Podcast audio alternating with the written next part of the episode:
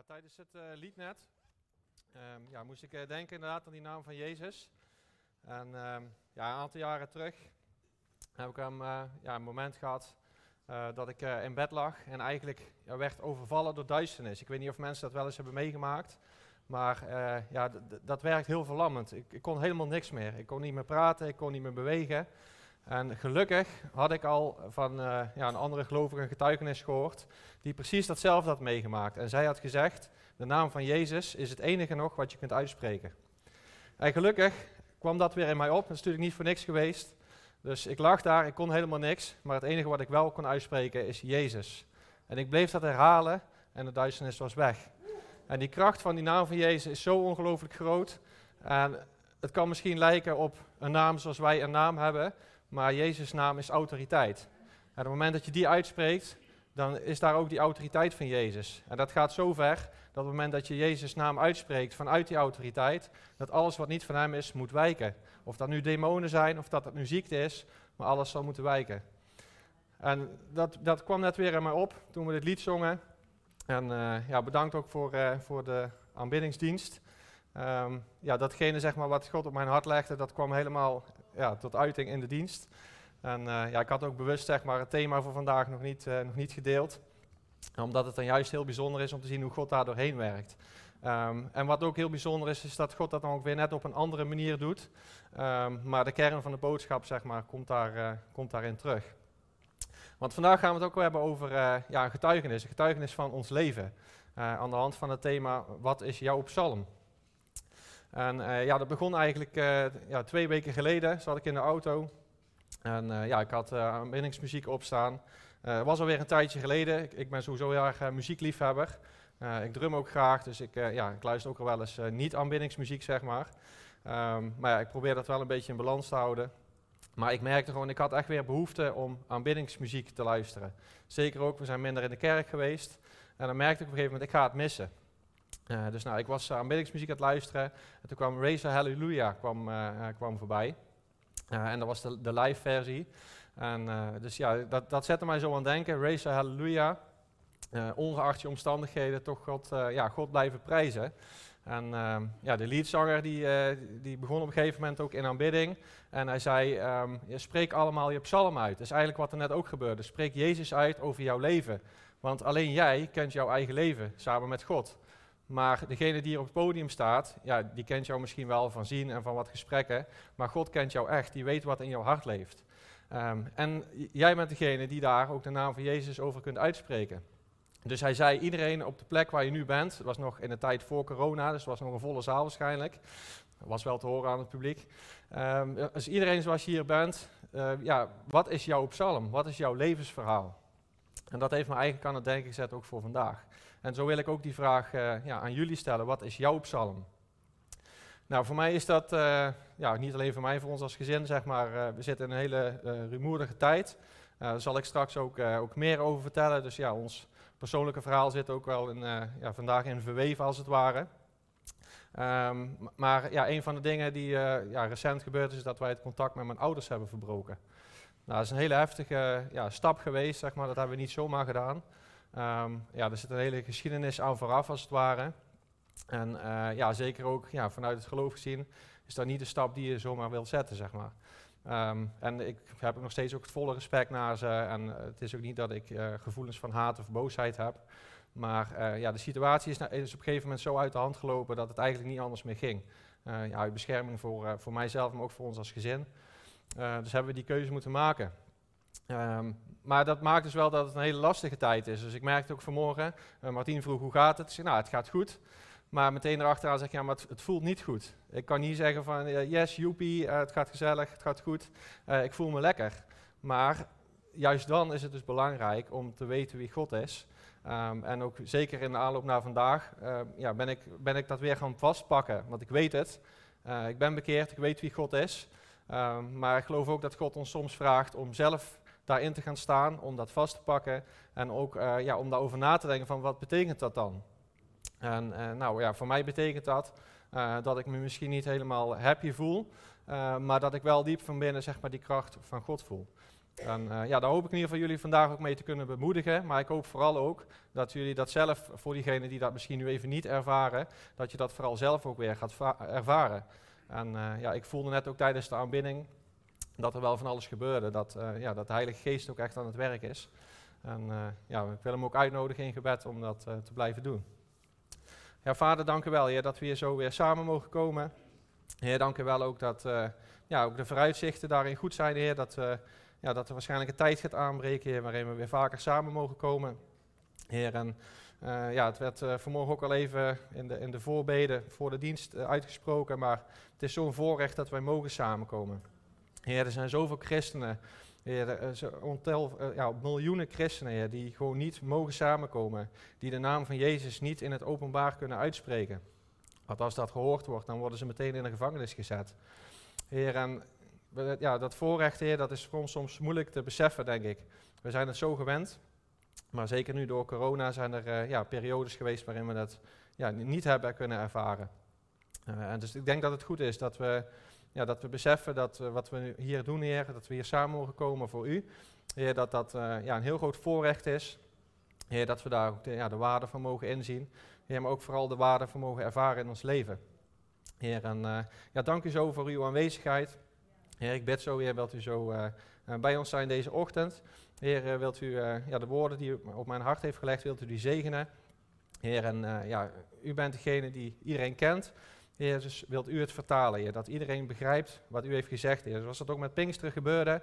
Heer, de discipelen die spraken, Heer, maar 3000 mensen verstonden u allemaal in hun eigen taal. En ik geloof dat dat verder gaat dan alleen de taal zoals we die spreken, maar ik geloof dat u ook eh, de taal van ons hart spreekt. Heer, en dat bid ik zo, Heer, dat u ieder vandaag aanspreekt in de taal van ieders hart. Amen. Dan mag uh, de dia op het scherm. Yes, thema van vandaag. Wat is jouw psalm? Nou, het zijn uh, eh, 150 psalmen. Ik heb er even eentje uitgelegd, maar er staan heel veel bijzondere psalmen in. Halleluja, zing voor de Heer een nieuw lied. Zing om Hem te eren in de bijeenkomst van de mensen die van Hem houden. Nou, dat is eigenlijk wat hier vanmorgen gebeurt. En uh, ook heel bijzonder dat we zo met zo'n volle zaal zijn. Uh, dus heel mooi dat iedereen hier ja, vandaag gekomen is om dat, ja, om dat samen te beleven. Um, ja, ik begin al met het woordje halleluja. Daar ga ik straks uh, meer over vertellen. Maar uh, ja, zoals net al gezegd, uh, ja, zitten we in, een, een, een, hectische en heftige tijd. Um, en ik ben de laatste tijd ook veel terug aan denken aan mijn eigen jeugd. Um, dat heeft natuurlijk alles met de situatie met mijn ouders te maken. Maar ja, hoe is mijn opvoeding geweest? Hoe ben ik opgevoed? En ja, er zijn ook wel mensen die me hebben gevraagd van hoe, ja, wat voor impact heeft dat nu op jou? En hoe zit het dan met jouw identiteit? Nou, wat bijzonder is eigenlijk, wat ik steeds meer achter ben gekomen de laatste jaren, is dat God mij van kinds af aan uh, ja, al voor mij heeft gezorgd. Ook nog voor de tijd dat ik ja, echt persoonlijk wist wie God was. Ik ben heel streng gelovig opgevoed. We zaten twee keer per zondag in de kerk. Uh, dus ik had heel veel gehoord van God, maar vooral over God, de strenge vader. En ik geloof dat ik dat ook al wel vaker heb verteld hier. Uh, dat zeg maar dat beperkte beeld van God, dat was eigenlijk het beeld wat ik meekreeg in de, in de samenkomsten um, uh, op school, uh, tijdens de zondagschool. dus dat kwam eigenlijk overal weer terug naar boven. En dat ging zelfs in de gemeenschap zo ver dat eigenlijk het uitgangspunt was, je gaat naar de hel. En als je heel veel geluk hebt, ga je misschien naar de hemel, maar dat weet je pas zeker als je er bent. Oftewel, je leeft je hele leven in onzekerheid en in angst. En dat is ook wat ik om mij heen zag gebeuren, met een, paar uitzonderingen daar gelaten. Maar ik zag veel mensen rondlopen eigenlijk in angst. En leven vanuit de regels. En niet uh, ja, zoals ik denk dat God het bedoeld heeft. Maar dat zette mij als kind wel uh, ja, aan het denken. en wat ik eigenlijk heb gedaan, ben ik inmiddels wel achter, is ik heb een soort beschermende bubbel om me heen gecreëerd. Ik denk al als klein jongetje van drie, vier jaar ongeveer. En ja, die bubbel hield in. Nou, we zijn tegenwoordig wel bekend met een bubbel van anderhalve meter. Maar die bubbel voor mij was vooral dat ik, ja, ik zat in mijn eigen wereldje. Ik sloot me af voor de mensen om me heen. En uh, ja, als ik uit school kwam, dan ging ik meteen weer de deur uit met vriendjes spelen. En uh, heb daardoor wel een hele goede jeugd gehad. dus ondanks ja, alle omstandigheden waar je in zit, ja, kon ik daar gelukkig ook wel gewoon genieten zeg maar, van mijn jeugd. en dat gold ook zeker voor thuis. Dus het is niet zo dat dat het bij ons thuis heel vervelend was om thuis te zijn. Maar eh, het is vooral eigenlijk hetgene wat ik net zei, de hele strenge, ja, strenge geloofscultuur, uh, die ja, echt wel een druk zeg maar, op mij legde en ook wel op ons als gezin legde, inclusief mijn ouders zelf. Um, uiteindelijk ja, zijn zij zelf steeds verder van het geloof afgeraakt. En hebben zij, zij, zij zeg maar, steeds meer richting de vrijheid gegaan. Uh, omdat zij van binnen ook wel voelden van ja, wij leven nu volgens een regel waar wij eigenlijk zelf niet goed van weten waarom we die hebben. En ik stelde daar heel vaak ook vragen over als kind van maar waarom doen we dat nu? Waarom gaan we twee keer per zondag naar de kerk? Waarom mag dit wel of waarom mag dit niet? En heel vaak kreeg ik het antwoord, niet alleen van mijn ouders, maar ook van de dominee en van de, de, oudste bij catechisatie. Ja, dat doen we nu eenmaal zo. Of ja, dat, dat deden de voorvaderen ook al. Maar, ja, maar waarom dan? Ja, daar kreeg ik geen antwoord op. Nou, ik ben nogal volhardend zeg maar, in, het, uh, in het ontdekken van dingen. Dus uh, speciaal op, op verzoek van onze oudste dochtertje mee nog een kleine anekdote daarover. Um, dat is niet zo'n heel bijbels voorbeeld. Maar uh, een van de gevolgen van de strenge opvoeding was dat wij ook geen tv in huis hadden. Want de tv was van de duivel. Maar uiteindelijk, toen ik een jaar of veertien was, werd toch de eerste stap gezet. En dan kwam een tv. Nou, ik denk, die was niet groter dan dit. Maar dat mocht dan. Maar natuurlijk, volgens mij mochten we alleen Nederland 1, 2 en 3. En al het andere werd geblokt met een pincode. Maar ja, ik ben ook nog wel een beetje van de ICT en zo. Dus ik had zoiets van, ja, die pincode is mooi bedacht, maar daar vinden we wel iets op.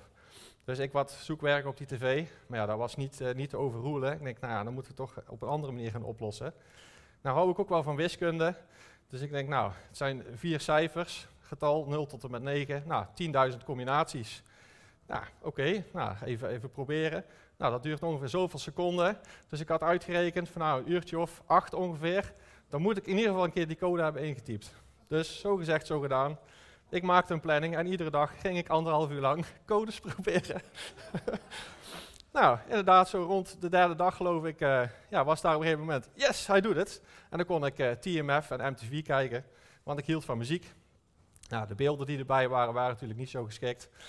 Maar het ging mij om de muziek en ik denk, yes, ik kan weer muziek luisteren. Maar even om aan te geven hoe uh, volhardend ik ben. Maar dat, geldt, uh, ja, dat gold en geldt ook zo voor het geloof. Ik ga op zoek naar wie is God en, en wat wil God. Uh, wat, vraagt God van mij en van ons als gezin. Um, dus daar ben ik ook jarenlang zeg maar, ja, in een zoektocht mee bezig geweest. Uiteindelijk in mijn puberteit um, ja, ging mijn zoektocht verder dan alleen maar God en en het geloof, zeg maar, ook andere religies ontdekt. En het uitgaan, alcohol, zeg maar, allemaal uitgeprobeerd. Maar uiteindelijk ja, vond ik daar niet wat ik nodig had. En uiteindelijk ja, via een, een, dienst op tv bij Family 7, bij Nehemia Ministries terechtgekomen in Zwijndrecht. En ja, daar, ja, daar heeft God mij aangeraakt. In die tijd heb ik Andrea ook leren, leren kennen. Dus we hebben er ook veel gesprekken over gehad. Zij wilde ook heel graag met een christen samenkomen en kwam er toen achter dat voor mij christen zijn alleen, eigenlijk nog alleen dat beeld was van die strenge vader. Dus wie Jezus voor mij was en Heilige Geest, ja, dat, dat was voor mij echt helemaal onbekend. Uh, dus dat was even schrikken, maar uiteindelijk is het allemaal goed gekomen. Dus we hebben daar ook samen veel, uh, veel gesprekken over gehad. Maar ja, ik weet niet of iemand van jullie wel eens bij een Hemel Ministries is geweest. Nou, dat geldt net zoals hier. Als je daar een dienst bezoekt, dan kun je niet om Jezus en de Heilige Geest heen. Dus overal en in iedereen aanwezig. En, uh, dus, dus, dat is wel een heel krachtig getuigenis. Ook wat ik hier uh, ja, ook vanmorgen weer ervoer. ik denk ook voor mensen misschien hier die voor het eerst zijn of, of dat nog niet zo hebben ervaren. denk ik van, ja, dat, dat prikkelde mij in ieder geval van, hé, hey, ik wil dat ook. Ik, ik ga daar naar op zoek. Nou, uiteindelijk daar ook tot bekering gekomen en uh, gedoopt. Ja, en toen is uh, zeg maar, ons gezinsleven ook uh, als een gigantische trein gegaan. Zeg maar. We zijn heel snel getrouwd, kinderen gekregen, inmiddels vier kinderen. Dus ja, dat is een, een hele, hele rit zeg maar, die we met God hebben doorlopen. Hier ga ik straks nog verder over vertellen, maar ik wacht er even mee, anders dan ben ik straks mijn hele verhaal vertellen en dan blijft dit achter. We gaan even terug naar Race Hallelujah waar ik net begon, twee weken geleden, toen ik dat lied hoorde in de auto. Halleluja betekent prijs. En dat is niet voor niks prijs, want het komt van het werkwoord prijzen, maar dit is de gebiedende wijs. Prijs de Heer. Want Yahweh, of Ja komt van Yahweh. Uh, en dat is dus wat halleluja betekent. Prijs de Heer. En dat is de opdracht die hij ons meegeeft. Prijs hem ongeacht de omstandigheden. En ik heb voor mijzelf ontdekt dat dat niet is dat ik uh, jubilend en, en springend door de ruimte ga. en als dat wel is, is daar niks mis mee. Begrijp me niet verkeerd. Maar ik, ik weet van mezelf dat dat niet is wat bij mij gebeurt. Maar wat bij mij wel gebeurt, is dat ik eigenlijk diep van binnen vooral een kracht voel. En die kracht die geeft mij vreugde, want die geeft mij vertrouwen dat ik weer uit een situatie kan komen en dat het uiteindelijk weer goed komt. Ehm, en dat zie je ook terug in de, in de psalmen, zeg maar. Het woordje halleluja zie je daar ook, uh, ook veel in terug. Um, in totaal wordt uh, in de hele psalmen, de 150 psalmen, komt 24 keer het woord halleluja voor. En zeven keer het woord amen. Nou, zeven is het getal van de volheid, dus dat is niet voor niks. Uh, als je gaat kijken naar de indeling van de psalmen, dan uh, ja, er zijn verschillende indelingen, maar er is dus ook een indeling van de vijf boeken, zoals ook de Torah in vijf boeken is ingedeeld. Uh, de psalmen zijn 3000 jaar geleden ehm, tot stand gekomen. Ehm, nou, onder andere Mozes heeft een aantal psalmen geschreven, David heeft er heel veel geschreven. En zo zijn er nog een aantal die psalmen hebben geschreven. En er zijn ook psalmen waarvan niet bekend is of niet helemaal zeker is wie dat ze heeft geschreven. Uh, maar zo ongeveer, ja, zeg maar uh, rond het jaar nul, uh, is het boek Psalmen zoals wij dat nu kennen, zeg maar als geheel samengebracht. Nou, als je gaat kijken hoe dat is gedaan, dan kan dat eigenlijk niet anders. Dat is in ieder geval mijn idee daarbij, uh, dat dat is geïnspireerd door de Heilige Geest. En dat was ook eigenlijk in de zoektocht die ik tegenkwam toen ik daarna ging zoeken. Uh, er zijn veel, uh, ja, veel dingen over te vinden. Iedereen heeft daar wel uh, andere informatie over. Maar de, de, grote lijn zeg maar, is eigenlijk steeds hetzelfde. Je ziet die vijf boeken. En je ziet ook zeg maar, die halleluja en die amen terugkomen. Maar vooral ook ja, dat, hoe de Heilige Geest dat heeft samengevormd. ja, als je gaat kijken naar um, het eerste boek. Um, daar zie je in dat Psalm 1 en 2 zijn eigenlijk de opening. zijn eigenlijk een soort van inleiding. Psalm 1 gaat erover dat je op de goede weg bent als je uh, trouw bent aan de Heer.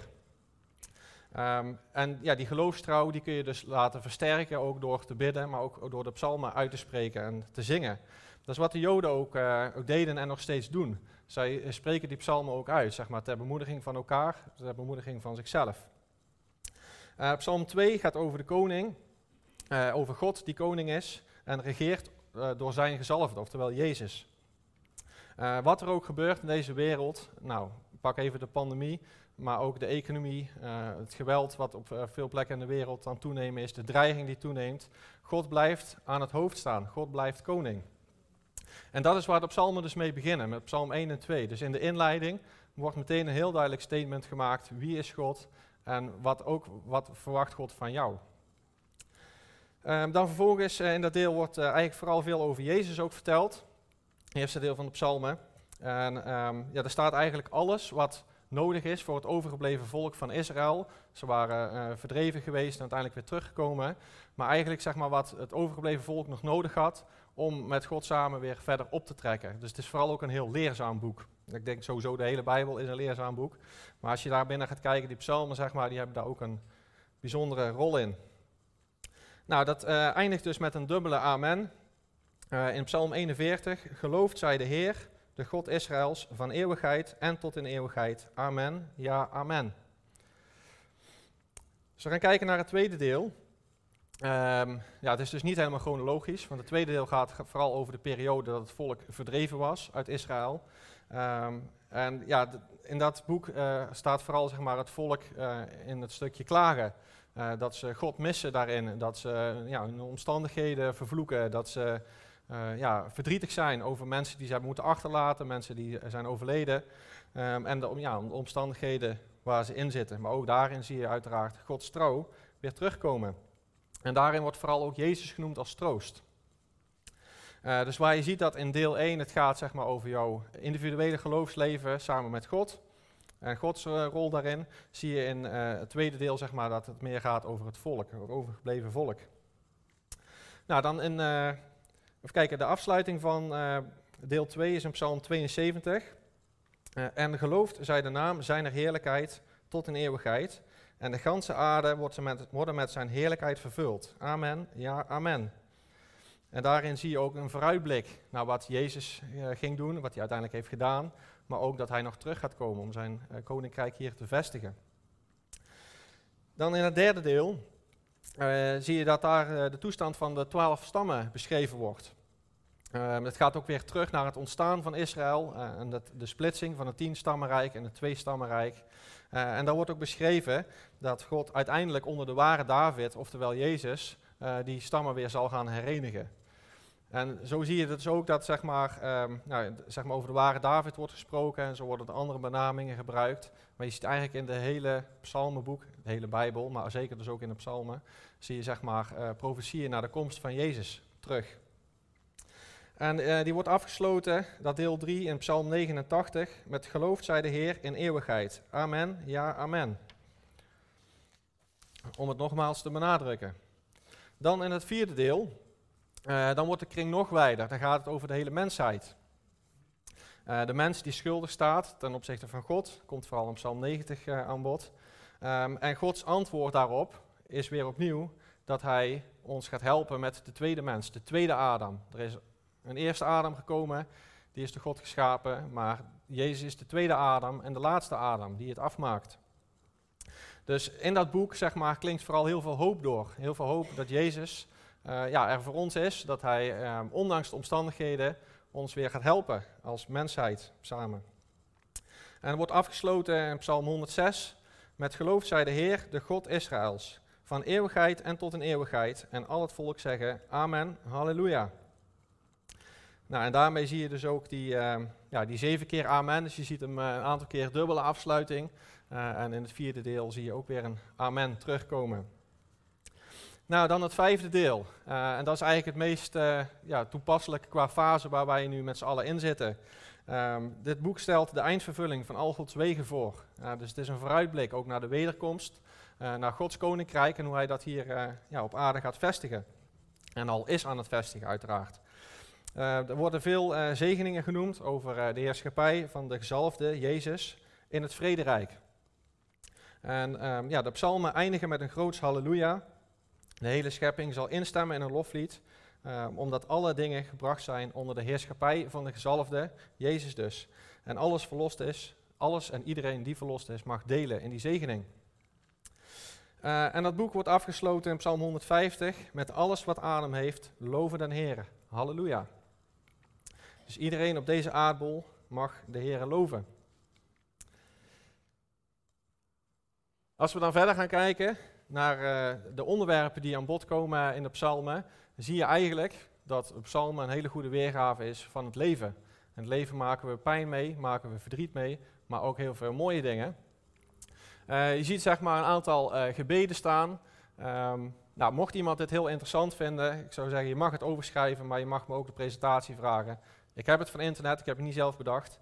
Maar dan kan je dat in ieder geval eens een keer nalezen. Maar uh, ik ga dus niet al die psalmen noemen, maar die gebeden zie je terug in vergevingsgebeden, schuldbeleidenis, verlossing. Je ziet ook veel psalmen met dankzegging, psalmen met lofprijs, psalmen met profetieën over de komst van Jezus, over wie Jezus is. onderwijzingen staan er vermeld en er staat een stuk in over de geschiedenis, het ontstaan van het volk Israël. En dat is eigenlijk wat je ook terugziet, uh, wat, althans wat wij terugzien in ons leven, maar van de mensen die ik hier ken, weet ik dat we niet de enige zijn. Het leven kent dalen en bergen. En de psalmen is dus een heel krachtig boek om uh, te lezen op het moment dat je er een keer doorheen zit. Um, ja, Karim heeft er een aantal weken terug ook over gesproken. Psalm 22 hoort bij Psalm 23. Dat um, ja, ondanks het dal waar je doorheen gaat, God uiteindelijk die overwinning brengt. En dat voelt dan misschien niet zo, maar het is wel zo. En het geeft wel heel veel kracht, heel veel rust en uh, zeker ook heel veel blijdschap op het moment dat je daar dan weer uit bent. Nou, hier, uh, het is niet te lezen denk ik voor jullie, maar daar gaat het in principe ook niet om. Uh, voor een coachingsopdracht die André en ik op een gegeven moment hebben gedaan, was de vraag van teken is een levensloop. Nou, ik heb mijn levensloop getekend. begint in 83 en ja, die eindigt ergens vorig jaar. Um, ja, dit is een beetje kenmerkend zeg maar, voor mijn leven. Dus als je het hebt over pieken en dalen, dan ervaar ik die wel. Die laat ik niet altijd zien. Um, ja, dat is ook wel omdat ik, denk ik, in heel veel situaties nog het vertrouwen heb, het komt wel weer goed. Alleen als ik daar in zo'n dal zit, dan voelt dat voor mij niet zo. Nou, zoals ik net al zei, zeg maar, mijn jeugd uh, verliep uh, wat dat betreft gewoon heel goed. Uh, ik heb heel veel leuke dingen gedaan. Um, en dat zie je hier ook wel terug. Een hele positieve tijd. Tot eigenlijk tot ik een jaar of tien was, ja, mijn opa overleed. En dat was eigenlijk de eerste keer dat ik echt van dichtbij geconfronteerd werd met de dood. En ik weet nog als klein jongetje dat ik daar echt helemaal van slag was en echt wekenlang ja, echt last van heb gehad. ja, huilbuien, niet meer naar school ging. ik was echt helemaal van de kaart. Ehm, maar gelukkig daar wel weer ja, uit opgeklommen, zeg maar. Um, nou, uiteindelijk mijn middelbare schooltijd, zoals ik net al vertelde, ben ik eigenlijk alle kanten op gegaan, van alles onderzocht. Uh, dus dat was, uiteindelijk was dat niet meer zo'n hele fijne tijd. In het begin was het nog heel leuk en gezellig. Maar ja, dat is meestal als je nieuwe dingen gaat uitproberen, dan lijkt het allemaal heel leuk en heel mooi. dus op een gegeven moment was ik meer buiten de school te vinden dan in de school. Zeg maar, de McDonald's was wel een favoriet plekje. Dan hadden we weer een folder met aanbiedingen. En dan was het, oh, we hebben vanmiddag het vierde uur hebben een tussenuur. Ah, dat is mooi, dan gaan we even wat bonnen inleveren. Even McDonald's pikken. nou, de Efteling was er vlakbij, ik kom uit Brabant. Dus dat was ook een leuke plek om naartoe te gaan. Of een stedentrip naar Den Bosch op de fiets, was ook prima te doen. En uiteindelijk als klapper op de vuurpijl hebben we een excursie naar Amsterdam gedaan. Met een geschiedenisreis, terwijl we zelf helemaal geen geschiedenis hadden.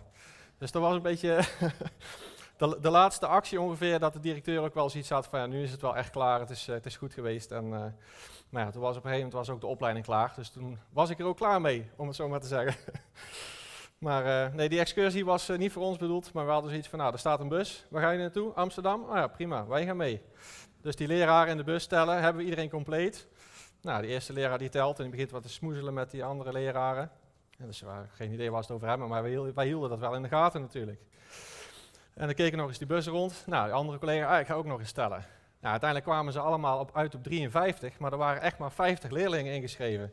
Ja, dat hebben we nog nooit meegemaakt. Dus heel vaak zijn er zieken of mensen die komen niet opdagen. En we hebben drie te veel. Hoe kan dat nou? Ja, wij hebben niks gezegd natuurlijk. Dus wij up, mee naar Amsterdam, bij Artis. werd uh, op de parkeerplaats uitgestapt. Jongens, om drie uur terug bij de bus, want dan vertrekken we weer naar het zuiden. Oké, prima. Nou, hele groep naar links, wij met z'n drieën naar rechts en de stad in. En uiteindelijk netjes om drie uur stonden we daar weer. Dus wij weer terug die bus in. Niks aan de hand, dachten we.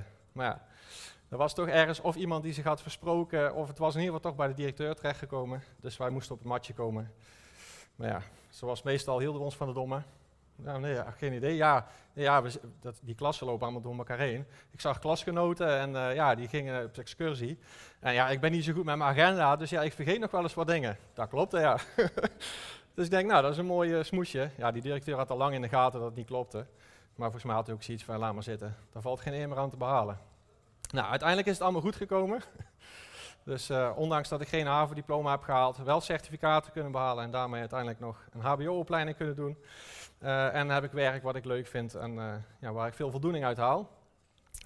Maar in ieder geval, ja, als, je, als, het gaat over wat is jouw psalm of wat is mijn psalm, dan is dat vooral een, ja, een leven met veel ups en downs.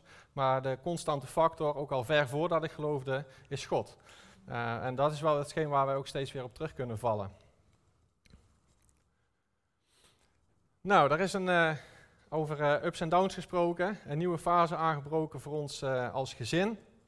Wij zijn een aantal maanden geleden door Piet van Walsum gevraagd om eens na te denken over een project in Nijmegen. Um, nou, dat was sowieso een bijzondere manier hoe we met elkaar in contact kwamen. We zouden eigenlijk naar een musical gaan, of daar zijn we ook geweest, Soldaat van Oranje. Nou, dat is vlakbij waar Piet en Ina wonen. Andrea had het idee om daar eens langs te gaan op de koffie. Nou, leuk idee, dus wij contact gelegd en nou, er moest wat geschoven worden, maar dat kon. Dus wij daar op bezoek. En um, nou, ze vonden het sowieso heel leuk dat we kwamen. Maar wij proefden ook een bepaald enthousiasme dat ze iets hadden van... oké, volgens mij is hier meer aan de hand, maar we hadden geen idee wat. Dus nou, wij kwamen eraan en uh, nou, we kregen meteen heel veel vragen, of eigenlijk vooral ik heel veel vragen over of ik nog dromen had uh, qua werk, uh, qua zorg. Ik werk in de zorg voor mensen die dat nog niet weten. Um, daar geef ik onder andere trainingen en ik werk ook met complexe doelgroepen. Ik zeg, nou ja, een van de dromen die ik nog wel heb, is eigenlijk voor jongvolwassenen een, ja, een verblijfsvoorziening starten en, en, zorgen dat daar goede zorg in komt. dat, ja, zijn, dat is een doelgroep die veel tussen wal en schip valt. en zorgen dat die ja, goede zorg gaan krijgen. En dus nou, Piet zegt op een gegeven moment, ja, maar stel nou, zoiets zou in Nijmegen zijn. Dus ik denk, dat is een hypothetische vraag.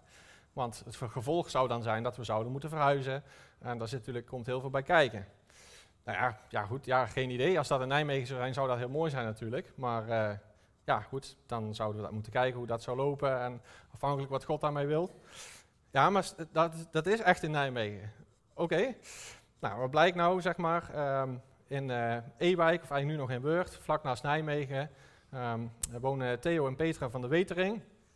Uh, Petra is voorgangster bij uh, Berea Nijmegen. Tegenwoordig heet het Follow, hebben we begrepen. Um, maar in ieder geval voor de mensen die het nog van langer terug kennen, Berea Nijmegen. En zij hebben zelf een gezinshuis. Nou, dat gezinshuis is eigenlijk vrij spontaan, nou zeg maar heel spontaan tot stand gekomen.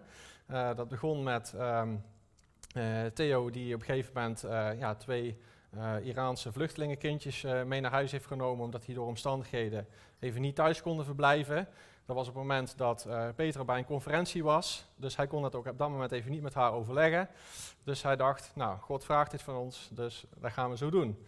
Nou, dat is ook zo gegaan. Maar ja, dat is altijd makkelijker gezegd dan gedaan. Dus dat heeft wel wat voeten in de aarde gehad. Maar uiteindelijk hebben zij die kindjes ook uh, eerst tijdelijk opgevangen, daarna definitief. Uh, en zijn ze het eigenlijk steeds verder gaan uitbreiden. Dus um, ja, ze hebben nu negen of tien, uh, geloof ik, pleegkinderen in huis. Nou, dat huis is inmiddels natuurlijk ook een heel groot huis geworden, want dat kun je niet in een gewoon woonhuis bergen. maar het is in ieder geval een ja, heel mooi gezinshuis geworden in Weurt. maar hun droom is groter. Ze hebben zelf zes dochters die inmiddels zelf ook uh, ja, bijna allemaal getrouwd zijn of uh, ook kinderen hebben. Uh, dus ja, hun familie breidt uit. Heel veel van hun kinderen en, en schoonkinderen helpen ook mee in het gezinshuis. Dus het is echt een familieproject. Um, en zij zijn op zoek gegaan naar een nieuwe locatie. Nou, die hebben ze gevonden in, in Ewijk. Um, nou, het, het heet Driestroomhuis de Meander. en het is eigenlijk een, een drie-fase project. de eerste fase zie je links bovenin. Dat is een woonhuis met een loods. Daar wonen een van hun dochters met schoonzoon en hun vijf jongens wonen in dat woonhuis. En daarachter die loods, zeg maar, die is nog niet in gebruik genomen. Maar het idee is dat daar een, een dagbesteding gaat komen. daarnaast zie je fase 2. dat is een, een pastorie. Het pand daar is ongeveer vergelijkbaar met het pand waar zij nu zitten. en zij gaan ook met het gezinshuis gaan zij oververhuizen naar dat, ja, naar het tweede pand, zeg maar. Dus dat is fase 2, die is nu in volle gang. En dan vervolgens is daar nog een fase 3, een grote Rooms-Katholieke kerk. En het plan is dat die op korte termijn helemaal verbouwd gaat worden. met daarin ja, ongeveer 15 woonunits. En dan specifiek voor jongeren, of jongvolwassenen eigenlijk vanaf 18 jaar. Dus uiteindelijk de doelgroep die ik daarin voor ogen heb, zeg maar, die komt daar heel mooi in terug. Nou, welke rol en hoe we daar een rol in gaan hebben is nog niet helemaal duidelijk. We hebben er wel wat gesprekken over gehad. Um, maar we zien wel dat, dat God hiermee bezig is, dat, uh, ja, dat God uh, dit ons op ons pad heeft gebracht en andersom ons op hun pad heeft gebracht. Um, dus vandaar, uh, ja, wij zitten in een spannende tijd. En nou ja, wat ik al zei, de situatie met mijn ouders, die is daar nog tussendoor gekomen. dus ja, je ziet wel een hele hoop geestelijke strijd daarin. Um, ja, dus daar is een lastige tijd, maar wel ook een hele mooie tijd waarin we zien dat, ja, dat God aan het werk is. En vooral ook voor ons als gezin ja, maakt het ons ook een stuk hechter als gezin. Zeg maar. We zijn heel erg op elkaar aangewezen. Um, en ook heel mooi, ja, zeg maar, de kinderen hebben het meegedeeld. Uh, en ja, dat is natuurlijk lastig voor hun, want dan zouden ze vriendjes moeten achterlaten en vriendinnetjes. Maar ja, ze zijn zelf ook een keer meegeweest naar het project. En ze zijn er zo enthousiast over dat ze alle vier uiteindelijk zeiden van we willen heel graag die kant op. Uh, dus wij als gezin hebben ja gezegd tegen God. En uh, ja, we hebben aan God ook gevraagd om dat te bevestigen en daar een teken voor te geven. Dat is nog niet gebeurd, maar we zijn daar wel ja, veel voor aan het bidden. Dus ook bij deze de vraag aan jullie om daarvoor mee te bidden. En ja, we zijn heel erg benieuwd hoe het, hoe het gaat lopen, zeg maar. dus we hebben wel ontdekt dat als je ja zegt tegen God, dat dat een hoop met zich mee kan brengen. Maar daar kijken we zeker naar uit. Kijken of die verder gaat. Ja, dus, dus de, fase 1 is dat woonhuis. Daar gaan wij zelf dan verder weinig mee te maken krijgen. Uh, en daarachter zie je een stukje van de loods. Fase 2, het uh, gezinshuis tot 18 jaar. wat Theo en Petra dan zelf blijven doen. En daarnaast de kerk die nog helemaal verbouwd gaat worden. Dus dat is nog een flink, flink project.